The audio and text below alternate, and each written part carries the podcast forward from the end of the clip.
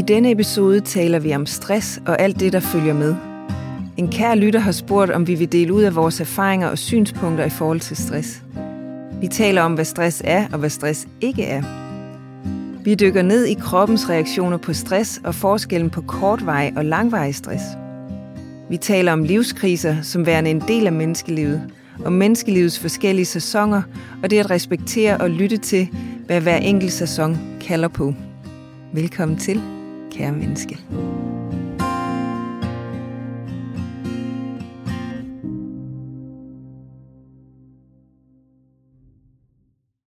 Vi har fået et spørgsmål, om vi kunne tage emnet stress op.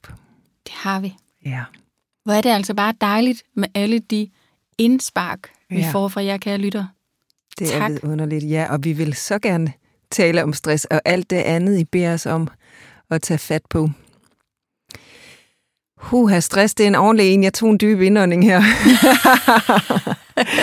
Fordi stress er så mange ting, er det ikke rigtigt? Jo, og stress er jo også noget, som vi dybest set sådan slynger lidt om os. Ja. Sådan ret nemt, ikke? Puh. Jeg hører i hvert fald tit mig selv sige sådan, ej, jeg bliver stresset, eller børnene sige, Ja. så bliver jeg stresset. Hvor har de mon det fra? Ja. Men så, så det er jo også et ord, vi egentlig kommer til at knytte på noget, der reelt set ikke er stress, men er travlhed. Mm, Ikke? jo, præcis. Og der er meget stor forskel på at have for travlt eller for meget om ørerne, og så på at gå decideret ned med flade. Ja, Mette, det har du jo faktisk prøvet. Det har jeg jo prøvet. Har du lyst til at, at prøve at beskrive lidt for vores lyttere? Altså, jeg ved godt, at alle, altså stress og det at gå ned med stress er jo mange ting, men, men vil du prøve at dele med os, hvordan var det for dig? Mm. Det vil jeg gerne. Det er sjovt, at jeg opdagede det ikke selv. Nej. Det var, jeg anede ikke, jeg var på vej derud, og jeg har nok egentlig også altid ment, at det må folk skulle da kunne opdage, og så stoppe sig selv. Men det kan jeg skrive under på, det opdager man ikke. Jeg gjorde i hvert fald ikke. Øhm, så øhm, det var først, da der var en øh, kær veninde, der hævde fat i mig, som kiggede mig i øjnene og sagde, Mette, du skal til læge. Det her, det stopper ikke. Øh, hvor jeg kan huske, at jeg blev sådan helt paf. Tænkte, hvad snakker hun om? Og så alligevel, så ramte den jo ind i noget, der måske alligevel har ligget derinde og råbt og skrevet, som jeg på ingen måde havde lyttet til. Øhm, ja, af for den. Og så kom der jo en flod af tårer. Mm. Formentlig fordi der kom hul på bylden. det er bygget op over lang, lang, lang, lang, lang tid, tror jeg. Øhm, men det var ret forløsende egentlig at få, få grædt lidt. Og så synes jeg egentlig, at jeg havde det så godt, at da jeg kørte hjem fra hende, så tænkte jeg, ah, det er nok ikke noget. så det sidste, hun siger til mig, igen kigger hun mig i øjnene og siger, Mette, hvad tid øh, er det, din læge åbner i morgen? Godt, så ringer jeg fem minutter efter. Er det en aftale? Og sådan lidt, ej, det behøver du ikke, jeg skal nok ringe. Så ja, ja, det er fint nok, men jeg ringer alligevel. Ej, hun sagde ikke fem minutter efter. Jeg tror, hun gav mig en time, faktisk. Meget kærligt. Meget kærligt. Og jeg tænkte, ach, hvorfor siger hun det? Det skal der nok klare. Men da jeg så vågnede næste morgen, så synes jeg jo vidderligt ikke, der var noget at ringe til lægen om. Hvad skulle jeg sige? Jeg havde det jo okay. Mm. Men jeg vidste jo også godt, at hun ville ringe klokken 9, dæmmer for mig nu. Så jeg ringer jo til lægen, og øh, da jeg får lægen i røven, ikke engang lægen, det tror jeg nærmest, det er bare sekretæren for at booke en tid, så begynder jeg at bævre igen. og øh, kan jo egentlig godt høre, at den er gal og får så den her tid og kommer ind. Og øh, stadigvæk tror jeg faktisk ikke helt, af, hvad, ved, jeg har det Nej. som jeg har det på det tidspunkt, og da jeg så kommer ind til lægen, der, der når jeg kun at træde over dørtrinet, og så falder jeg ind om halsen og begynder at tude. Og, øh, og hun, jamen dog, og hvad er der med dig? Og, "Jo, jeg ved det ikke, men min veninde siger, at jeg har stress, og det tror jeg ikke. og så gør lægen jo det, lægen skal gøre, og tester noget og siger, vi starter lige med at sygemelde dig, og så finder vi ud af det. Og jeg fik en ny tid, og så havde jeg jo bravende stress. Ja. Øhm, og det var jo først der, da stikket blev trukket for mig, at det gik op for mig, hvor alvorligt ramt jeg var. Fordi da gassen var gået af den der ballon, og jeg ligesom havde fået sagt det højt, og øh, jeg var blevet sygemeldt, og jeg skulle ikke, jeg nok meget pligtopfyldende, så det var virkelig, virkelig svært for mig, det der med ikke at skulle på arbejde. Mm. Kan jeg huske, jeg spurgte den der lægen, jamen, hvad skal jeg sige til min arbejdsplads? Jeg siger, jamen, du skal sige, at jeg har sygemeldt dig, og du kommer forløb ikke de næste fire uger, men nu tager vi bestik af det. Ja. Nå, men jeg nåede jo så dertil, at så, så var det jo erkendt. Og den frihed, det gav, det gjorde, at jeg kunne lægge mig ned og hvile mig, som jeg jo ikke havde gjort i overvis. Så det var jo en øh, tiltrængt pause, som jo også blev noget længere, end hvad jeg nogensinde havde forestillet mig, at jeg skulle ned og ligge og hvile mig på. Men det blev, øh, ja, det blev en meget, meget lang pause, som, som det krævede noget at komme op af igen. Altså de første uger, der, der kunne jeg faktisk ingenting. Meget mærkeligt egentlig. At det jeg var sådan har ligesom, gået fra 100 km i timen til, til 0. 0. Ja. Det var helt skørt, fordi det var sådan ligesom om, jeg holdt den kørende hele tiden. På en eller anden måde. Og, og først da lægen ligesom havde sagt til mig, nu skal der stoppes. Ja. Fordi det her, det er alt, alt, alt for meget. Og du kan ikke tage på arbejde i den tilstand. Først der giver jeg mig selv lov til at give slip, og mærker den der træthed, som formentlig har været der hele tiden. Ja, fordi jeg, jeg kunne mærke, at jeg sad og blev nysgerrig på sådan, mm. når du siger det her med, at du faktisk ikke opdagede det, fordi det tror jeg, det er virkelig genkendeligt, og jeg hører det fra, mm. fra også mange, jeg har mødt jo i Compassion House, som jeg har været så heldig at få lov til at følge på deres rejse. Det der med, det kommer ligesom snigende. Mm at, at så bliver der bare en opgave mere efter den anden, og man, man hudler sig ligesom sådan lidt igennem. Ja. Ikke? Men hvad, når du sådan kigger tilbage på det nu, mm. kan du så se, at der var nogle tegn på det op til, at det gik op for dig? Ja, det kunne jeg jo godt, men de var igen... Øh, mm, jeg var igen blevet gjort opmærksom på dem af andre. Ja, okay. Hvilket var lidt pudsigt. Jeg var nemlig ved tandlægen, kan jeg huske som kigger med det, bare sådan en helt almindelig rutinetjek, som kigger mig ind i munden og siger, Gud, jamen du har jo stress. Ej, hvor sjovt. jeg siger, nå, hvordan så kan du se det på min mund? Jamen, det, jeg kan ikke helt lige sætte fingre. Jeg kan, ikke, jeg kan faktisk ikke engang huske, hvad hun sagde. Jeg, I mit hoved har der ikke været et klart svar, enten at hun så en eller anden bestemt, når folk åbenbart var stresset. Gud, hvor vildt, det har jeg aldrig hørt før. Nej, hvor er det jeg, spændende. Og ved du hvad, jeg har faktisk aldrig fulgt op på den. Det kunne være nu, hvor jeg tænker lidt mere klart, kunne spørge hvad så du egentlig? Hvad så du egentlig dengang den, ja, i min mund? Ja. Øhm, så var vi frisøren også på et tidspunkt. Der jo stået på længe det her. frisøren og sagde til mig, jamen du har jo stress. Hold op, se nu dit hår. Og prøv også at se dit ansigt, hvor sådan lidt, gud, min hud, jeg kunne da jo egentlig godt se, at min hud var noget træt. Og øhm, når jeg kigger tilbage på den periode nu, så vil jeg sige, at jeg så helt grå ud. Mm. Altså min, min hud og min... Jeg var helt grå og, og glansløs. Ja. Ja. Hvordan havde du det følelsesmæssigt? Var der noget, der sådan øh, antydede, at noget var... Eller mærkede mm. du ikke så meget? Fordi, altså, jeg spørger, fordi at jeg kender, når jeg er i en, jeg vil sige, en fortravlet periode, mm. og, og måske leger lidt med stresstilstanden, mm. Øhm, så noget af det, jeg lægger mest mærke til, det er, at jeg ikke kan mærke mig selv ret meget. Ja, det var jeg skulle lige til at sige. Jeg, jeg tror faktisk, jeg gjorde meget ud af ikke at mærke mig selv. Ja. Fordi, ja ikke fordi, for det var der jo ikke nogen forklaring på, men formentlig ubevidst, fordi det ville gøre for ondt, hvis jeg skulle til at tage mig af et eller andet. Det havde jeg jo ikke tid til. Nej. Og det er det, der er så vildt i stressens natur, ja. synes jeg. Altså sådan som jeg både har hørt den beskrevet, men også, også altså jeg har slet ikke prøvet at blive ramt på samme måde som dig af den. Men det der med, at det er sådan, som om, jeg kan i hvert fald mærke, at når jeg møder et sted inde i mig, hvor jeg hele tiden synes, at hver en lille opgave er utrolig vigtig. Yeah. Og det bliver svært at, at se overhovedet, at der er nogle opgaver, som kan vente.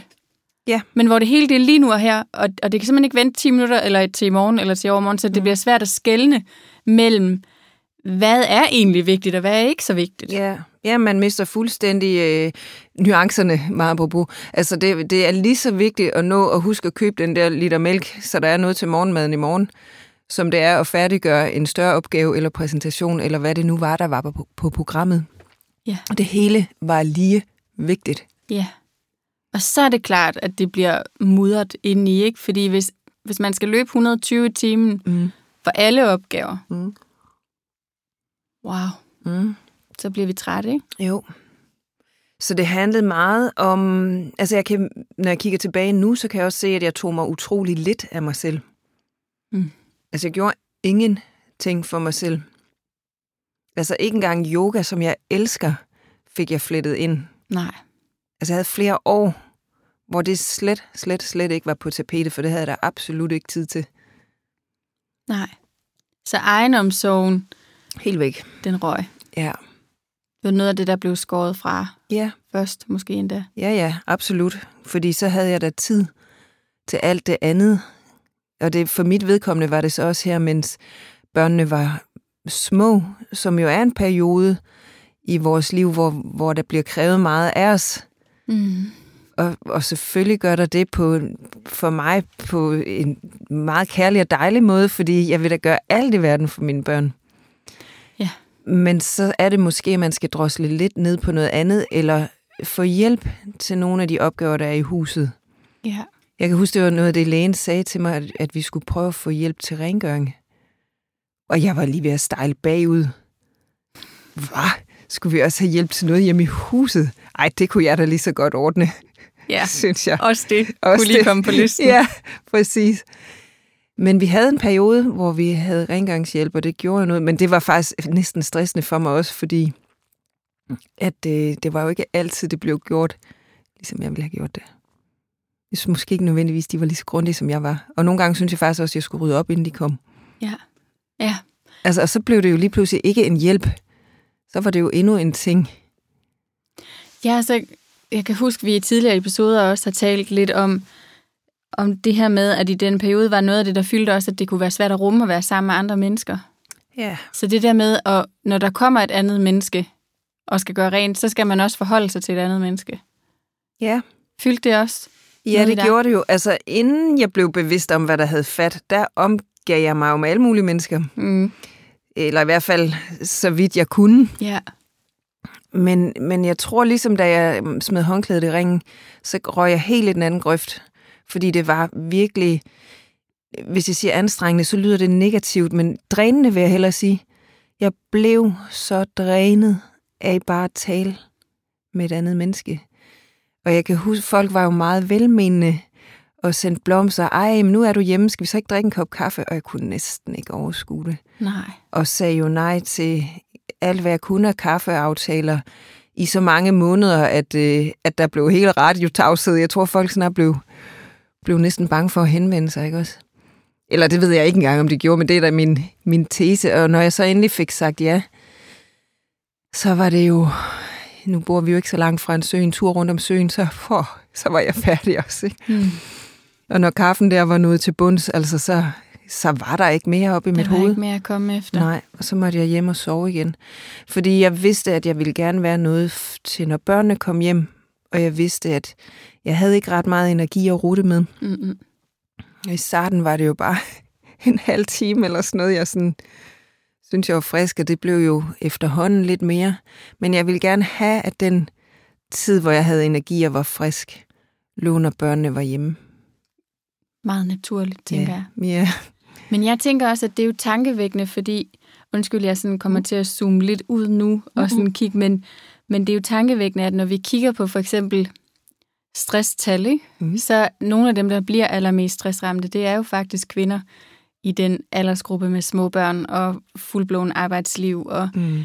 så, så det er jo også, jeg kan i hvert fald ikke lade være med at tænke nogle gange, hvad er det, hvad er det vi, der kunne være hjælpsomt for os i den periode af livet, ikke? Altså nu har vi begge to efterhånden ret store børn, som, mm. som er virkelig meget selvkørende, men jo stadigvæk, kan man sige, det jeg mærker, det er, at det er så vigtigt for mig at have tid med dem. Ja. at være i deres liv og følge deres liv. Ikke? Mm. Øhm, samtidig med, at livet kan gå enormt stærkt, fordi der er også den anden side af mig, som elsker mit arbejdsliv, og som synes, det er mega spændende og gerne vil.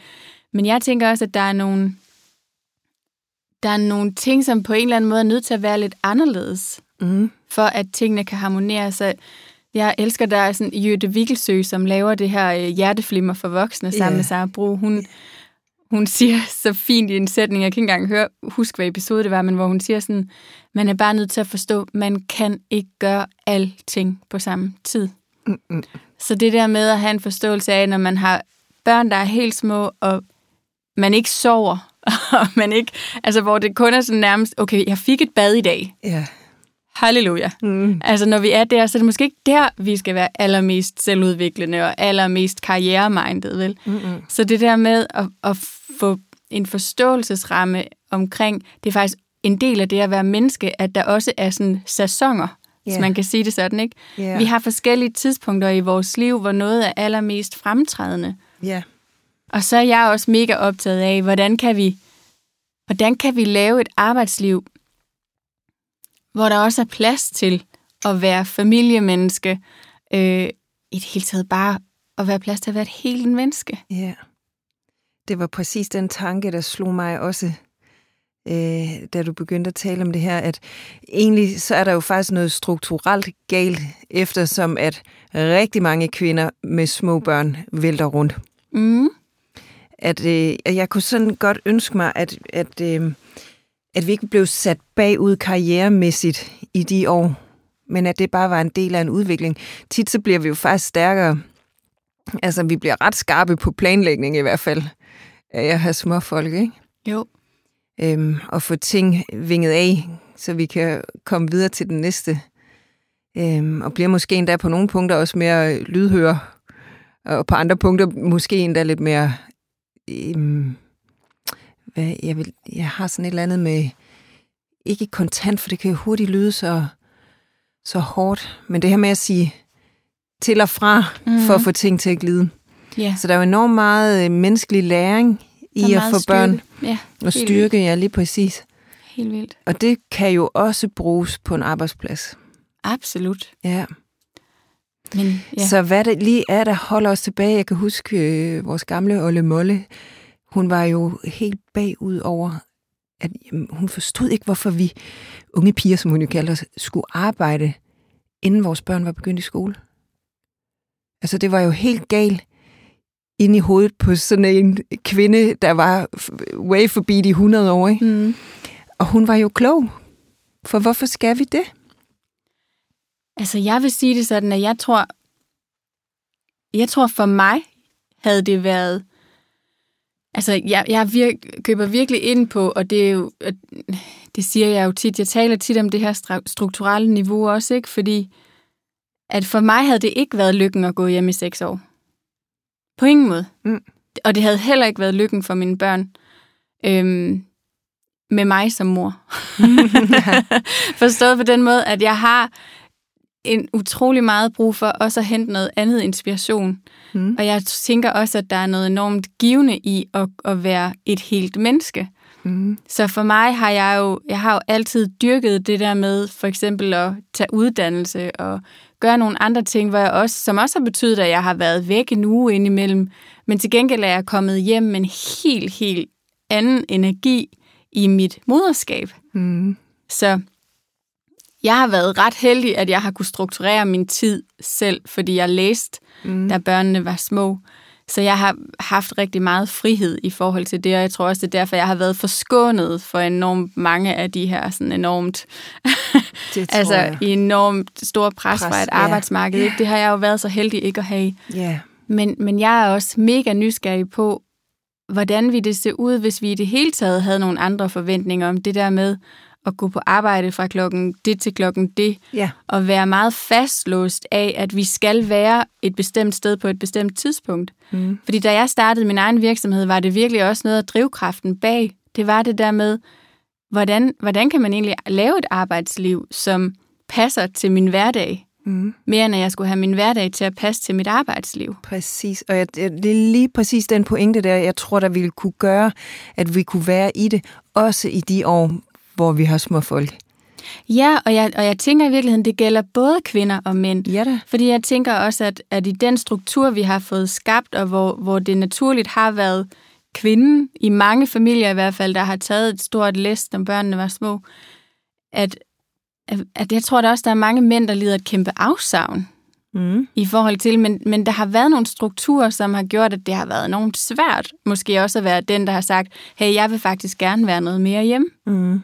I de her år, ikke? Ja. Og mange måske ikke engang stoppet op og tænkt tanken, fordi jamen, sådan her gør vi bare. Det her Ja. det er bare en del af, sådan gør vi jo. Ja. Det er en del af at være et, i arbejdslivet som mand. Ikke? Så der er jo også nogle kønsroller, som har defineret os helt enormt meget på begge sider. Og jeg, jeg tror virkelig ikke på, at der er nogen som helst, der har gjort noget i ond mening, men jeg tror meget af det er bare kulturarv, som vi er nødt til at kigge på. Altså sådan helt overordnet set at sige, men hvis vi gerne vil have, at vi mennesker fungerer i alle perioder af vores liv, både mænd og kvinder, hvad kan vi så gøre anderledes? Hvordan Mm. kunne vi strukturere arbejdslivet anderledes? I det hele taget vores roller Mm. anderledes, ikke? Jo, men jeg tror også, det har noget at gøre med, måske det er et levn fra en svunden tid, det her med, vores arbejde skal ligge så fast, fordi da vi var et industrisamfund, der var der jo nogle maskiner, der kørte, og nogle skiftehold, der skulle køre. Og der kunne man jo ikke bare sige, om jeg møder en time senere i dag. Nej. Vel, der var, der var en helt anden afhængighed af arbejdskraften. Og det er der jo stadigvæk en masse funktioner i dag. Det er der stadig en masse funktioner. Ja. Yes.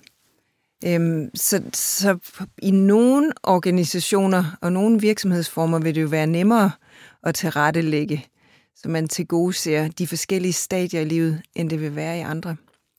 Ja, plus at, at jeg tænker også det der med, at vi mennesker er jo også forskellige, så nogle af os trives jo enormt godt med at vide, jamen fra klokken det til klokken det, der er jeg på min arbejdsplads, Ja. og så er det rammen. Det er der jo nogle af os, der har det enormt godt med. Mm. Så er der andre af os, der har det sådan, jeg har virkelig brug for at lige kunne tage en time her, eller lige kunne... Så, så det er jo også det der med, at vi er forskellige, og det er okay, mm. at vi har forskellige behov og forskellige måder, hvor vi egentlig trives bedst på. Mm. Fordi jeg tror i virkeligheden, det er sådan en, lige så snart at vi tænker, når men nu skal vi alle sammen være ens. Mm. så det ja, er vi jo Det ikke. kan vi ikke, nej. Det kan vi ikke være, vel? Så, Nej. så det bliver sådan aldrig rigtig godt for nogen af os. Nej, nej, nej, så bliver det sådan lidt noget mismask, Ja. som ikke rigtig nogen kan bruge til noget. Ja. Ja. Ja, men øh, mm, det, så er det jo så også noget med at søge hen på arbejdspladser, der passer til den type, man er. Og det kan der måske være en anden udfordring i, fordi det er jo ikke alle, der har et job af lyst.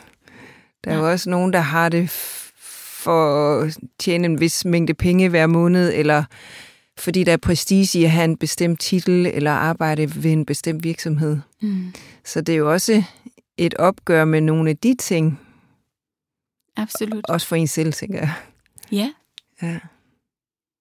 Og det er jo, jeg tænker bare det, når man, når man hører, hvor mange forskellige områder vi allerede har været inde og runde nu, Mm. bare lige nævnt, uden måske at gå i dybden med det, Mm.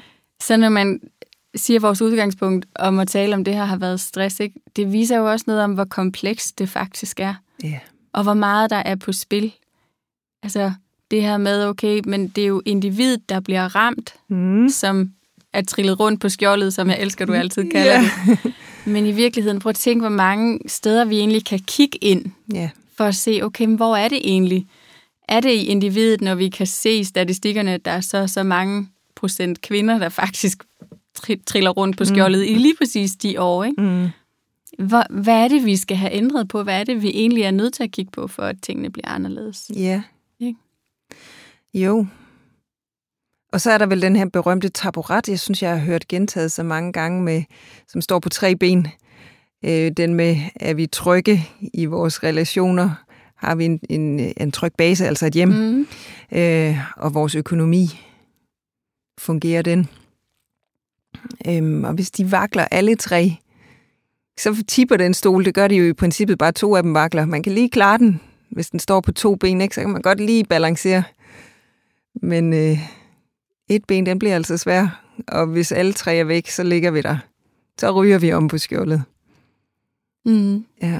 Ja, og, og det, det er jo det er jo det der med, at hvis ting ramler sammen, så ryger vi også, kan vi også blive væltet i en periode, ikke? Mm. Øhm, jeg elsker en af vores gode venner, som driver virksomhed. Han, han siger altid, at han tænker, at det er meget naturligt, at alle, alle medarbejdere, hvis man har dem over en lang periode, de vil opleve livskriser. Ja. Jeg synes, det er så fin en måde at anskue det på, fordi at menneskeliv er jo sådan, så at det er jo, vi er jo ikke bare sådan en lige. Altså, tingene er jo op og ned, og så kommer der sygdom, og der kan komme skilsmisser for nogen. Der kan komme alt muligt, Mm. som gør, at vi havner i en livskrise. Og, og det, er jo, det er jo en naturlig del af et menneskeliv, men hvis vi tænker, at vi skal være lige meget stær- øh, arbejdsstærke altid, jævnt, stabilt hen over et helt liv, ikke? Mm. det er jo også et, i virkeligheden et ret vanvittigt krav. Ja, det er et urimeligt vilkår at Ikke? stille sig selv. Ja, Eller en medarbejder for den sags skyld. Fordi hinanden. Der, ja, hinanden. Ja. Mhm. Ja. så Sådan- bliver det i virkeligheden meget ressourcetænkning, ikke? Altså Præcis. sådan en, okay, men når det gik ikke, så må vi finde en anden. Ja. Altså det er ikke, jeg synes bare ikke, det er fair Nej, men det er det ikke. Så at vi kigge jo bare... på et menneskeliv på den måde, vel? Nej, det er det vidderligt ikke. Og så kan stress jo have alle mulige årsager. Helt vildt mange. Ja, det kan vidderligt komme for alt muligt. Altså man kan jo også få stress af at have været igennem et langt sygdomsforløb. Så stress kan jo opstå af mange ting. Det er ikke nødvendigvis på arbejdspladsen. Nej. Nej. bestemt ikke. Og der kan være noget i en relation eller en anden base, man ikke har fået kigget ordentligt på, der gør, at hele læsset det vakler. Og når først vi er ramt af stress, så sætter det sig jo i systemet. Og det er jo faktisk noget apropos det, du spurgte om, hvad man kan se. Jeg kan jo se, at altså, ja, det var jo helt fysisk, at hår og åbenbart også tænder, og i hvert fald huden, øh, bliver påvirket af sådan en øh, situation. Leveren er virkelig meget på arbejde, fordi den skal udskille sukker og fedt, fordi det bliver sprøjtet ud i blodårene, når vi er i stress hele tiden, for at vi netop kan klare spidsbelastninger. Men Ja. det er jo kun designet til, at vi kan klare os i kort tid. Det er nemlig det, der er hele bøvlet, ikke? Det er hele bøvlet. Og hvis vi så bliver ved med at være i den tilstand, så, så går det galt ind i vores krop. Også kemien ind i os går Ja. amok, ikke? Ja, fordi at den kortvarige stress, Mm. den er jo ikke farlig.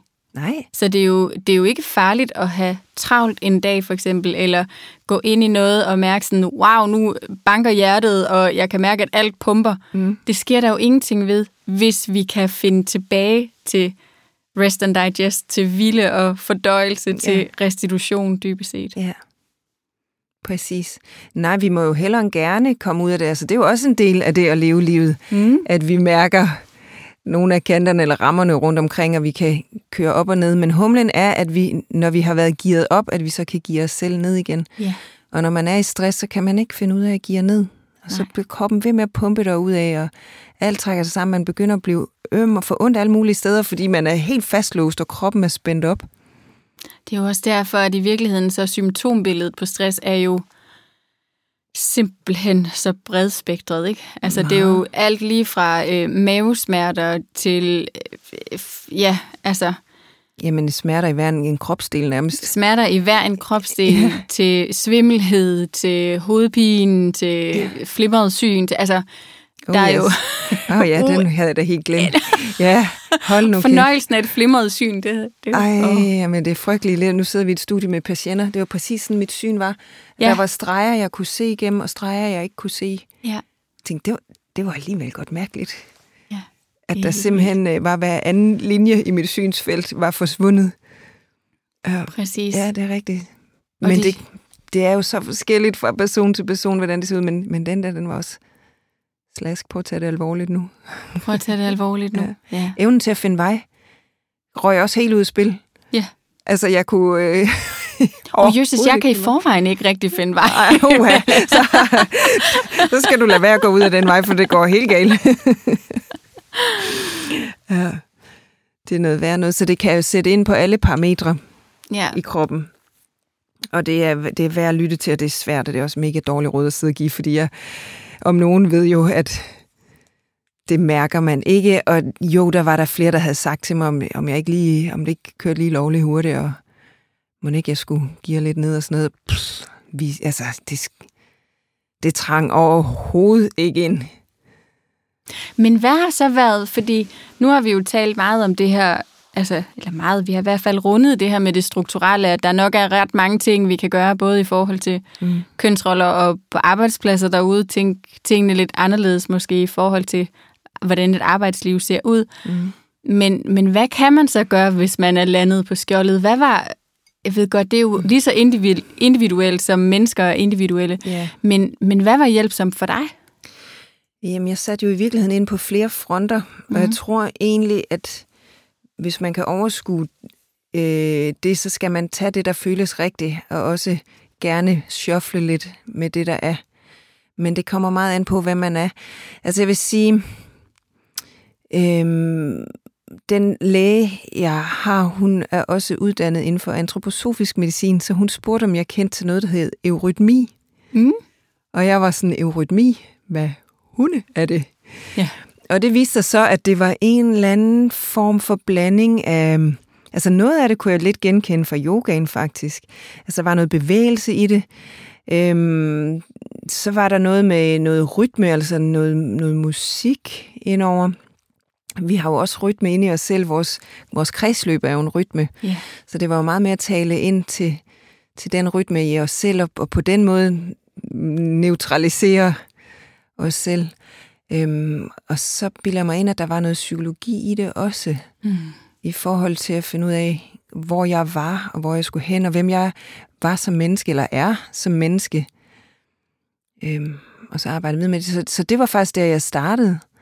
Øhm, så gik jeg ved en kraniosakral terapeut, hvilket var enormt befriende, fordi jeg, på det tidspunkt var jeg jo i en tilstand af, øh, hvor det var umuligt at slappe af simpelthen og ligge der ved en kraniosakral terapeut og få skubbet på sine hjerneplader. og jeg har prøvet det, det er utroligt dejligt. Man er smelter helt væk. Og det var virkelig, virkelig tiltrængt. Ja. Og hjælpsomt, apropos restitution, fordi cellerne kan jo ikke reparere, hvis de aldrig får lov at holde hvile eller pause. Fordi vi skal restituere for at kan bygge op. Ja. Øhm, og så, øhm, guderne må vide, hvor jeg fik energien fra, men jeg meldte mig også til, øh, til øh, en restaurativ yogauddannelse. Jeg er jo yogainstruktør i forskellige andre discipliner. På det tidspunkt kun de helt hårde discipliner. Ja. Øh, og så gik jeg så 100% i den modsatte grøft og tænkte, nu skal jeg finde ud af, hvad restaurativ yoga er. Og der, der fandt min krop ind i noget, hvor den kunne slippe og bygge op. Mm. Så det var ret voldsomt øh, positivt, det jeg oplevede. Ja. Øhm, under den uddannelse. Jeg har selvfølgelig brugt utrolig meget i dag i mit eget virke. Selvfølgelig. Selvfølgelig, ja. Men, øh, men den vildeste, eller i hvert fald en, der var lige så vild som den restaurative yoga, det var, øh, var de her åndretsdamer, jeg fik hævet til, til øen. Og øen, det var så Fyn. ja. øhm, som lavede noget, øh, der hed Transformational Breath hvor jeg fik dig med til den allerførste. Gjorde jeg ikke det, eller var det først den næste? Nej, det var den første. Det var den første, ja. ja. Øhm, det var virkelig noget, der rykkede på, på den der stige i forhold til at få det bedre. Mm. Der, der tog jeg mange, mange trin op ad stigen, bare ved sådan en, en enkelt session, eller den var jo så lang. Det var jo var det tre timer, tror jeg, fire måske, hvis det kan gøre det. Vi var afsted der. Det var i hvert fald lang tid. Det var i hvert ja. Øhm, den følelse, det gav, hvor vi jo arbejdede med iltningen, og dermed arbejdede på celleplan. Hold nu op, hvor gjorde det underværker. Jeg tror, vi begge to var sådan, da vi kørte hjem den der, jeg kan huske, vi, vi holdt længe på cyklerne ude foran vores indkørsler, og var ja. sådan, hvad skete der? Ja. det var så vildt, og vi var jo nærmest høje. Altså ikke på den der fjantede måde, men den der, Ah, den der salige måde. Ikke, ikke på folkeklubben-måden. Nej, det Nej. er noget helt andet. ja, der blev vi ramt. Og vil, jeg tror, at den der oplevelse har jo faktisk i virkeligheden skubbet til begge vores virke i dag. Mm. Ikke? Altså skubbet os ud af den, ikke tangent, for det er det vel næppe, men altså den måde, vi behandler på. Ja, forståelsen af, hvor meget åndedrættet beskriver og fortæller, hvordan der er lige nu og her i kroppen og generelt. Ikke? Ja. Så jeg vil sige, at jeg bruger det jo på alle, i alle virker mm. i mit liv nu, der er åndedrættet centralt. Ja. For det gør bare en kæmpe forskel. Ja, og det er mere 24-7. Præcis. Og det slog benene væk under os den dag der. Wow. det er egentlig ret vildt, at man kan blive så overrasket over åndedrættet, ikke? Fordi mm. det er jo noget, vi... Men det er, også, det er jo en af de få ting, som både kan være fuldstændig ubevidst, og så kan vi putte al vores bevidsthed ind i det og, og modellere det ja. og, og få det til at forandre sig. Ja. Og få det til at bevæge sig hurtigt, langsomt. Ja. Altså det er jo de vildeste, vildeste oplevelser og gaver, der ligger i det. Det er der bestemt. Og, og det sjove er, at folk tager åndedrættet for givet, hvilket er helt forståeligt, fordi det er en øh, reaktion i kroppen, der sker sådan helt autonomt. Ja, ja, der er ikke noget... Øh... Den, den fungerer jo bare mm. indtil den dag, det ikke gør mere, men så er vi her jo heller ikke mere. Nej, det må man sige. ja. Så derfor så, så i min optik er det nok også et meget overset element i behandling af, af særligt sådan noget som stress. Men mange andre lidelser, hvor kroppen spænder op og laver blokeringer. Og det man jo kan sige i forhold til stress, det er jo, at det der virkelig er helt tydeligt, det er, at åndedrættet, det kommer jo ikke rundt i kroppen, som det skal. Altså der er jo, når jeg har kigget på et stresset åndedræt, når jeg mærker mit eget åndedræt blive fortravlet, mm. så foregår det jo i brystkassen. Det foregår besværet. Mm. Det foregår meget hurtigt. Mm. Mm, aldrig. Dybt og roligt. Nej, helt overfladisk. Helt overfladisk, ikke? Mm. Og, og det kan da være helt smertefuldt, mm. næsten. Så det der med at, at bruge åndedrættet som en daglig guideline på, hov, er, jeg, er min krop nogenlunde i balance? Er der sådan balance mellem systemerne, apropos, mm. kan min krop finde tilbage i hvile? Med andre ord, i åndedrætsverdenen vil man sige, kan min krop finde ind i et roligt, afslappet, mm. dybt åndedræt igen, uden jeg skal bruge særlig mange kræfter på det. Præcis. Eller bliver det ved med at bevæge sig helt op i, i overfladen, ikke? Ja. Fordi det siger jo noget om, at min krop i stand til at skifte mm. mellem at være travl og være i ro. Mm. Eller hænger jeg fast? Præcis. Jamen, altså, jeg bruger det også som en, en smertestillende.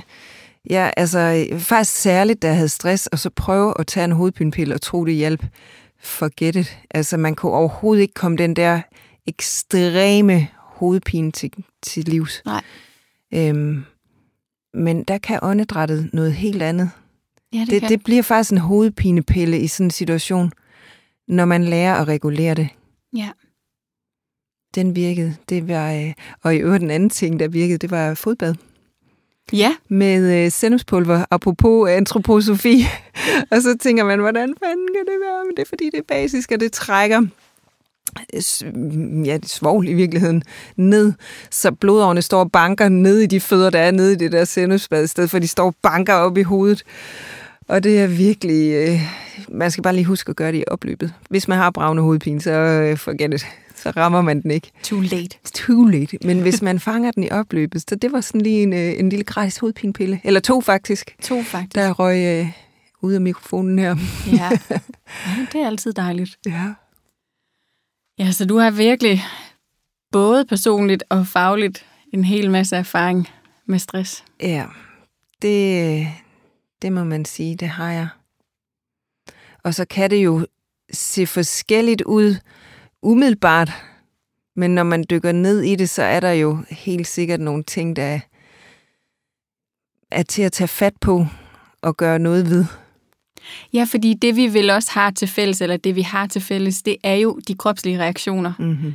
Så, så det er for eksempel åndedrættets reaktion, mm. det er ret meget, uanset årsagen til, hvorfor stressen er opstået i kroppen, mm. Så reagerer åndedrættet jo relativt ens Præcis. hos os. Ikke? Så, vi, så vi kan gå ind og arbejde, og jeg synes, det er noget af det, der er så fedt ved netop at arbejde fra kroppen, frem for at arbejde fra hovedet. Mm. Særligt når det handler om stress. Ja. Fordi det at gå i terapi, det er faktisk at gå ind og forvente, at vi sådan kognitivt er skarpe og kan arbejde mm. fra hovedet og ned i kroppen. Yeah. det er enormt vanskeligt, og det, det er næsten umuligt at gøre, men vi kan sagtens arbejde med at få kroppen mm. til at finde ind i en balance først, Ja. og så følger hovedet stille og roligt med. Det er i hvert fald min erfaring. Ja, men jeg er helt enig. Og særligt et stresset hoved, altså at prøve at sidde og fylde mere ned i et stresset hoved, Nej. der i forvejen koger. Ja, det giver ikke nogen mening. Det giver ikke mening. Jeg gik i øvrigt ved en psykolog i den periode der også, øh, som jeg var henvist til for lægen af, hvilket også var hjælpsom, men hvor jeg fortalte hende om min oplevelse her med, med blandt andet med den restaurative yoga og, og med åndedrætssessionen der. Mm. Og hun øh, sad nærmest og klappede i sine hænder og sagde, ved du hvad, du kunne have gået ved mig i årvis, og du havde måske ikke engang nået den samme oplevelse, Nej. som du har fået der, hvor jeg tænkte, hvor var det fint at understrege, hvor vigtigt det var, fordi et eller andet sted, hvor, hvad var jeg for en, der lå med stress, og så havde meldt mig på et restaurativt kursus, hvor jeg skulle lære noget oven i købet. Men det var virkelig, virkelig hjælpsomt.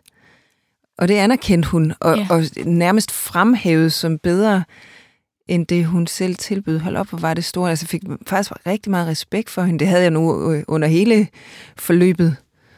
Men øh, ja, Lige præcis, og det er jo også... Jeg har også altid arbejdet rigtig meget med det der med at få kroppen med i alt, hvad vi egentlig gør i terapi, fordi uanset om man laver samtaleterapi, så er det bare, hvis ikke vi har kroppen med, Mm. så, altså, så er min erfaring i hvert fald, at vi ikke rigtig rykker noget, og det er også min personlige erfaring, at det der med at sidde og for, forsøge at tale os ud af noget, hvis ikke vi har kroppen med, og dermed også følelserne med. præcis. Fordi følelserne sidder jo i kroppen og er lagret i kroppen. Yes. Og noget af det, jeg opdagede under min egen rejse, i ud, altså selvudviklingsrejse og udvikling omkring terapi, det var, at jeg blev enormt god til at være i terapi. Så jeg blev enormt god til at tale om ting fra et meget sådan mentalt og kognitivt sted. Mm. Helt uden at mærke en eneste følelse undervejs i en hel time. Ikke? Ja, Det er jo ikke hjælpsomt. nej.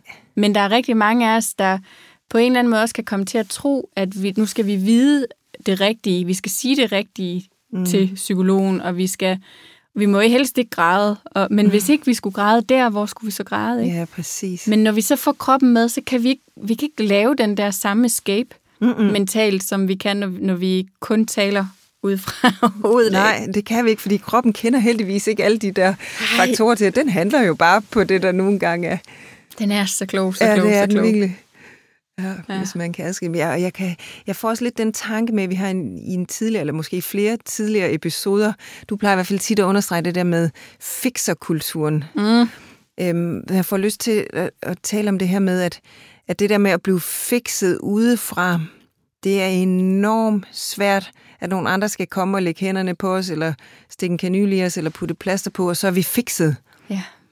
Fordi særligt et, en stresset krop og et stresset hoved har simpelthen behov for selv at finde ind og finde løsninger, finde vejen ud eller op. ja. Og det gør man altså ved at arbejde med sig selv. Jeg er ved at skabe ro. Ja. Ikke? Altså, fordi ved at sætte tempoet ned, jeg ved godt, vi har talt om det tit, også i, i de episoder, vi har haft, ikke? Men, men det der med at sætte tempoet ned og lade dig, lade dig kunne opstå den der kontakt til os selv indeni, Mm. og også til dem omkring os. Ikke? Vi kan det ikke, hvis, hvis det går 24, altså derudaf, så, så kan vi jo slet ikke... For det første tænker vi heller ikke overhovedet kreativt og udviklende eller noget som helst, når vi er i den der tilstand, for vores hjerne kan det ikke. Mm. Så bliver den enormt sort-hvid tænkende og enormt sådan overlevelsesstruktureret. Ikke? Ja. Sådan, hvad er næste step, apropos det, vi talte om med opgaverne? Ikke? Ja. Så, så er mælken lige så vigtig som, Ja. som alt det andet. Så det viser jo egentlig også bare, at vores hjerne bliver totalt irrationel, når den er i det der mode. Så handler det bare om overlevelse, overlevelse, overlevelse, overlevelse. Ja, jamen det er jo hjernens øh, eneste, har jeg næsten lyst til at sige, i hvert fald fornemmeste opgave, det er overlevelse. Ja, ja. Så, så når og kroppen... reproduktion, ved jeg, Paul Gilbert vil sige. Ja, det er rigtigt. Ikke at øh, forglemme. Ikke at forglemme. Og så er den sådan set ligeglad med resten, ja, når det den er er lige nemlig- der. Ikke? ja. Sådan helt i det helt urgamle, Ja. ja. alt det, vi deler med alle mulige andre pattedyr. ja, Så er det bare det. Det er bare det, det handler om. Og hjernen kan jo ikke se en skid. Ej. Den er stokblind, så den er afhængig af de der signaler, den får fra kroppen. Og der har vi jo kroppen i spil. Ikke? Og det eneste, den kan modtage, det er, er det farligt eller er det ikke farligt? Ja. Kan vi overleve eller kan vi ikke overleve? Og en stresset krop, den oplever alt som farligt. Alt som farligt, og så kommer åndedrættet jo ind igen, fordi ja. et stresset åndedræt, det sender det, det, det her korte overfladiske, Ja. og det sender jo et signal op til hjernen om, det er farligt. Det er for, hvert eneste åndedrag, du tager, der får hjernen en besked. Det er farligt. Det er farligt. Det er farligt. Det er farligt. Man, det kan man jo ikke blive i. Nej, det kan man virkelig ikke. Det Nej. kan man ikke. Så det er, det er i hvert fald vigtigt, og jeg tænker også, uanset om man er der, hvor man er tiltet helt rundt på skjoldet, men det er også en evig reminder, også til mig, om at når jeg mærker i perioder af mit liv, hov, jeg tror, mit åndedræt har bevæget sig stille og roligt lidt længere op i kroppen. Godt. Så ved jeg, at et, det nemmeste og hurtigste sted at sætte ind, det er jo ved stille og roligt at få åndedrættet ned i kroppen igen. Mm. Og sætte tempoet ned. Yes. De, ah, de hurtige skridt. Ja, De skal tempoet. være halvt så hurtige. Ja, ja, den er meget tydelig ved dig, Mie. ja. Ja. Mm. Oh, så det var en, en dejlig snak om stress, hvis man kan have sådan nogen. Ja. Men hvad tager du med hjem? ja, vi kommer jo vidt omkring. Ved du hvad, jeg bed, mærke i, at du, du sagde ordet sæson. Og ja, det, det er simpelthen det, jeg tager med mig hjem fra vores snak i dag, at vi skal være opmærksom på, hvad for en sæson vi er i. Mm. Er det en sæson, hvor vi skal så, eller er det en sæson, hvor vi skal høste, eller er det en sæson, hvor vi skal hvile? Det, den minder lidt om egentlig noget af det, vi talte om med Henrik Tinglef, da han var inde. Ja. Men det her med vores forskellige sæsoner, og det var, da vi talte om i den periode i vores liv, hvor vi har småfolk. Mm. Den sæson, der skal vi nok ikke sætte gang i alt for meget andet. I hvert fald kan man sige, hvis vi både skal være øh, mega sociale og arbejde og det hele Ikke på en gang, så ikke på en gang. Nej, så skal man i hvert fald kunne slippe det andet for en stund. Altså, så må man vælge. Mm. Øhm, vi, kan ikke, vi kan ikke være det hele. Nej, så sæsonudsvingninger Sæson. Ja. må være klud, eller i hvert fald, ja, sæson. Vær opmærksom på din sæson. Ja. Og så tilpas dig den. Vi har jo også varmere tøj på om vinteren, end vi har om sommeren. Mm-hmm. Mm. Ja. Så vi, vi luner os og putter os mere, når, når det er koldt, og det hele trækker sig sammen. Apropos træk sammen, det er jo præcis det, der sker med åndedræt og muskler og krop, når vi er ude af den, eller stresset, eller kroppen går i alarm, eller hvilke ord man nu bruger. Mm-hmm. Så er vi jo kolde og stive og sammentrukne. Ja.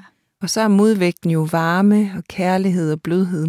Ja, lige præcis. Ja, så hvis man skal dyrke sin sæson, så bliver man nødt til at lytte til de signaler, der kommer fra kroppen. Mm. Hvad tager du med? Åh, jamen jeg tror, at, at jeg tager også det her med, hvor vigtigt det er at lytte til kroppens signaler. Øhm, så kan jeg mærke, at jeg er meget optaget af det her med, hvordan kan vi, hvordan kunne vi måske ændre lidt på nogle strukturer?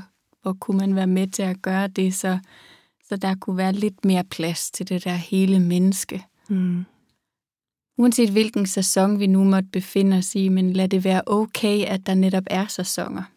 Mm. Fordi jeg tror, noget af det, jeg har lagt mærke til, det er, at, at hvis jeg sådan så følt, har følt, at jeg har været i en sæson, som krævede mere ro og hvile og tid, så har jeg også følt, at jeg skulle pakke mig lidt væk fra samfundet. Altså så har jeg følt, at jeg ikke rigtig kunne passe ind i samfundet i de perioder, Mm. hvilket nok har gjort, at jeg har trukket mig mere, end egentlig var nødvendigt. Ja. Så det der med, hvordan ville det egentlig se ud, hvis det var okay at være i forskellige sæsoner? Mm. uanset hvor man nu har bevæget sig rundt hen i livet, ikke? Mm. Med Mhm. alt det, det nu indebærer. Ja. Ja. Så tak, kære lytter, for lige at sætte os på et stressspor, Ja, som jo er et emne, der virkelig berører mange på rigtig meget, mange måder. det er det. Vi er simpelthen så glade for de input, vi får fra jer. Så bliv endelig ved med at komme med dem. I kan finde os inde på Instagram og skrive til os derinde. Ja. Kom med dem. Og så vil jeg ellers sige, nyd din sæson, uanset hvor du er henne. Tak for i dag.